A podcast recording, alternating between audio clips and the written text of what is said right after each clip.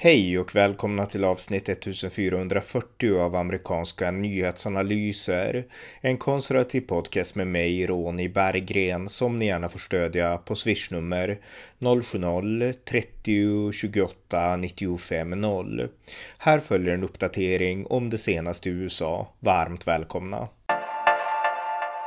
Ja, jag tänkte uppdatera lite om det senaste i USA, men vi börjar här i Sverige, för det är så här att USAs utrikesminister Antony Blinken, han har varit i Sverigedagarna i Stockholm för att delta på OSSE-mötet, eh, det här stora säkerhetsmötet eh, om, av Organization for Security and Cooperation in Europe, eh, OSCE som det förkortas på engelska då. Och det här är världens största säkerhetsorganisation med 57 medlemsstater och det handlar om att samtala om hur man ska behålla och värna Europa tryggt och säkert. Och det stora på det här mötet det var att Anthony Blinken, USAs utrikesminister, han mötte här nu Rysslands utrikesminister Sergej Lavrov och eh, det vart ett samtal om situationen i Ukraina. USA befarar ju att Ryssland kanske är på väg att invadera Ukraina och Antony Blinken meddelade att eh, om Ryssland gör det så kommer USA inte att stå passiva bi helt enkelt bredvid. Så att en, en skarp varning mot Ryssland där. Andra tonade ner det här och menade att eh, det finns ingenting att frukta utan eh, ja, det spelar ingen roll vad Ryssland säger. Ett, ett, liksom, en invasion är inte liksom förestående. Så att eh, ja, vi får se. Men han satte ner foten där ändå, Anthony Blinken. Och eh, ja, han eh, träffade också vår nya statsminister Magdalena Andersson. Han la ut en bild på Twitter där han gick bredvid henne och så skrev han grattis. Jag har träffat Magdalena Andersson, Sveriges nya statsminister och Sveriges första kvinnliga statsminister. Så att ett vänskapligt möte där också. Om vi hoppar till USA, den stora saken som har hänt de senaste dagarna, det är att Högsta domstolen har tagit sig an ett otroligt viktigt mål eh, och det är målet Eh, Dobbs vs Jackson, Women's Health. Eh, och det här är en, det är en stämning eh, som utgår från Mississippi. Mississippi fattade 2018 en lag som begränsade aborter mycket strikt och i princip gjorde det omöjligt att utföra aborter efter den 15 veckan i graviditeten.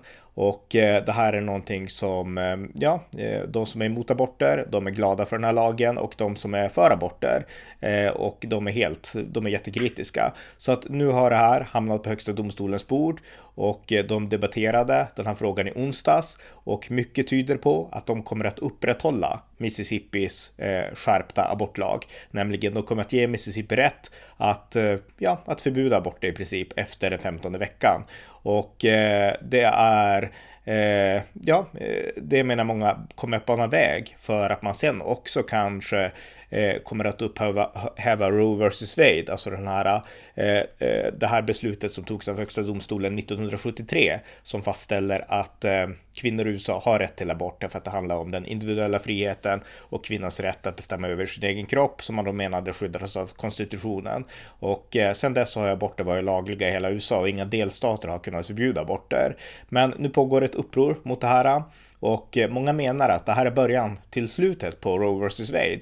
Ehm, eh, I framtiden kan det mycket väl bli så att Högsta domstolen under de här konservativa domarna som Trump tillsatte upphäver Roe vs Wade. Eh, beslutet i just den här domen ehm, om den här lagen i Mississippi, den kommer att fattas slutgiltigt i sommar. Men efter det så kan det öppna upp för en diskussion om Roe vs Wade också. Och då menar många att ehm, den här högsta domstolen kommer att ställa sig på delstaternas sida och konstatera att eh, eh, ja, konstitutionen ger inte rätt att förbjuda eh, delstater från att förbjuda aborter. Så att eh, argumenten kommer att gå åt det hållet och många menar också att Eh, eh en legitimering då för att upphäva tidigare högsta domstolsbeslut Roe vs Wade. Det kommer att vara att idag så har, eh, ja, det är så mycket som är förändrat sedan 70-talet tidigare. Idag så behöver kvinnor inte bli gravida, alltså det finns preventivmedel som är effektiva och eh, det finns kunskap och det är liksom Eh, det är mycket enklare att inte bli med barn om man inte vill bli det idag. Så att det här att liksom ett argument att det här ska skydda kvinnans kropp och hennes rätt över sig själv. Vill hon inte bli med barn så blir hon inte med barn. Det är det argumentet som förmodligen kommer att anföras för att eh, eh upphäva Roe vs Wade. Eh, så att eh, vi får se vad som händer. Och det här är ju som sagt någonting som är en otroligt het fråga i USA. Abortmotståndet i USA växer. Eh, visserligen är det fortfarande en majoritet som stöder att Roe vs Wade, alltså rätten att utföra en abort, fortfarande finns kvar. Men eh, kritiken och definitivt kritiken i olika delstater, den växer jättesnabbt. Så att förmodligen kan det här förändras och skulle det förändras, då kommer vi få se USA där Eh, liberala delstater har liberala abortlagar, New York och Kalifornien kommer liksom inte ändra sig. Medan eh, konservativa delstater, Mississippi såklart nu, men även Texas och södern och andra delstater uppe i, liksom, i norr också, där kommer man säkert att kunna se eh, aborter bli nästan förbjudna. Så att ett splittrat USA i den här frågan. Och eh, vill man ha enhet, alltså att nu ska nationen liksom helt ha samma policy i det här, då måste man förmodligen eh, skapa ett konstitutionstillägg. Det är så man kan förändra USA på riktigt.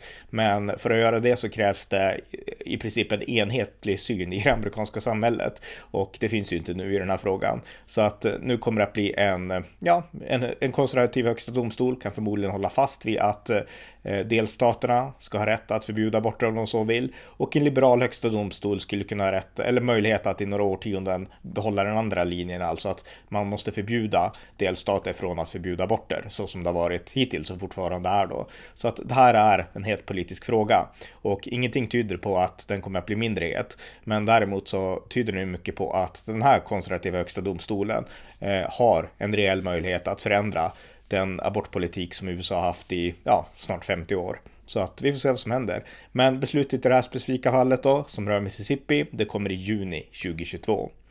Eh, nästa ämne då, Black Lives Matter, det är också ett eh, ämne som diskuteras, inte lika mycket nu som förra året.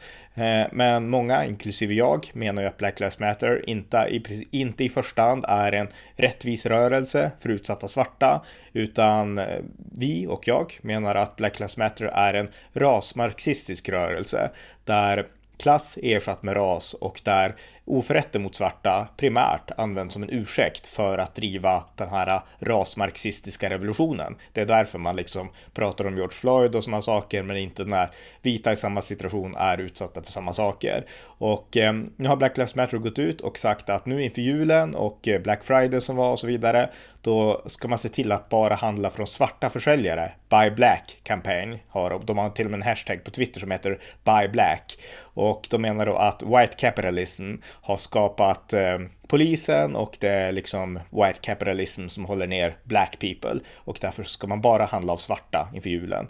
Eh, det låter väldigt rasistiskt i mina ögon och, eh, och så, eller mina öron. Så att, men det, ja, de avslöjar sig själva där. Det här är en rasmarxistisk rörelse. Det är liksom inte en rättvis rörelse.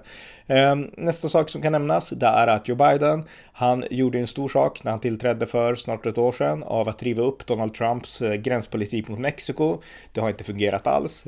Eh, eh, krisen vid gränsen mot Mexiko är oerhörd och eh, invasionen av illegala immigranter fortsätter.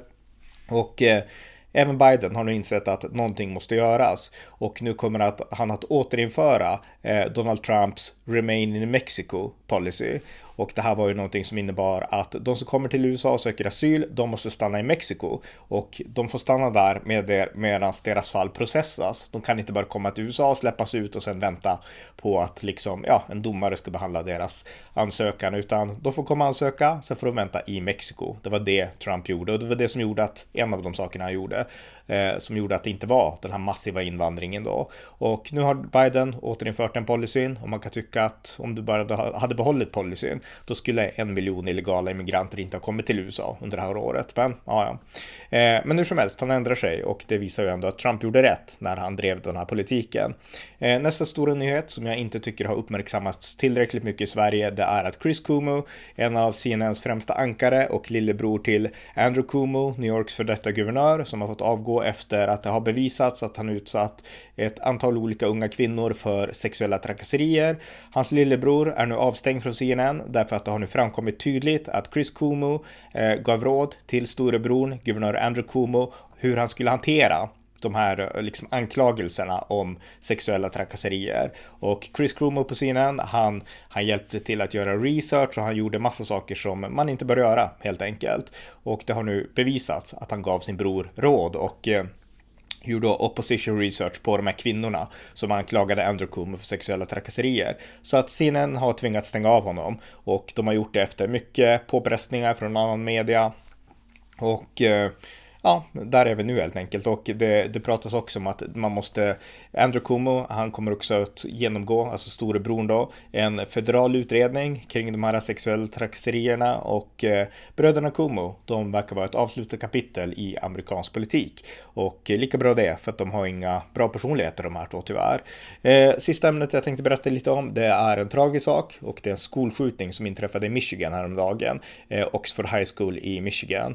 Och eh, en ung man som heter eh, Ethan Crumbly, tror jag han heter. Han, eh, 15-åring, han eh, gick in på sin skola med en pistol och sköt mängder av människor och fyra av de människorna dog. så att, och de var ju alltså tonåringar i mitten av tonåren. Så att en fruktansvärd tragedi.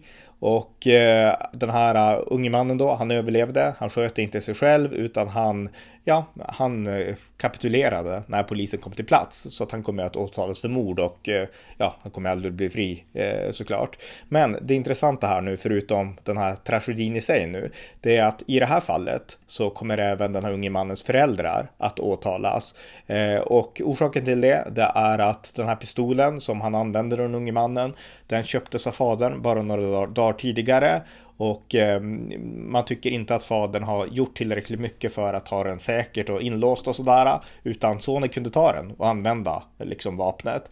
Därtill så hade den här unge mannen, den här pojken då, han hade googlat på ammunition på skolan och skolan varnade föräldrarna. De skickade ett, ett voicemail till föräldrarna så att deras, barn har, han har googlat på vapen och ammunition och sånt. Och eh, skolan fick inget svar. Eh, och istället så skickade mamman ett sms till sonen och sa att du måste se till att liksom göra det här i smyg lite bättre framöver. Hon skämtar väl till det. Men det här innebär att föräldrarna också kommer att åtalas därför att eh, han gjorde inte det här bara för kul eller för att han var nyfiken på vapen utan för att han planerade en skolskjutning som han genomförde. Sen finns det en tragedi här bakom också. Den här 15-åringen när han var mobbad och eh, ja, många av de här som gör, utför skolskjutningar är det och det är tragiskt, det ska de inte bli. Men de ska inte skjuta heller så att eh, ja. Eh, så ser situationen ut. Så en stor tragedi i Michigan. Och det här är då den senaste skolskjutningen och förmodligen så kommer det kanske att väcka också vapendebatten till liv som de här skolskjutningarna alltid gör. Eh, killens motiv, alltså han skrev mycket om det här. Men jag har inte läst in mig så mycket på motiven så jag får kanske återkomma om det i nästa uppdatering. Men det här var lite om några av de senaste sakerna som hänt i USA. Och eh, ja, en ny uppdatering följer snart. Det var avsnitt 1440 av amerikanska nyhetsanalyser. En podcast där amerikansk politik förklaras ur ett konservativt perspektiv. Stöd gärna på swishnummer 070-30 28 95 0 eller genom att via hemsidan stödja på Paypal, Patreon eller bankkonto. Det var allt för idag. Tack för att ni har lyssnat.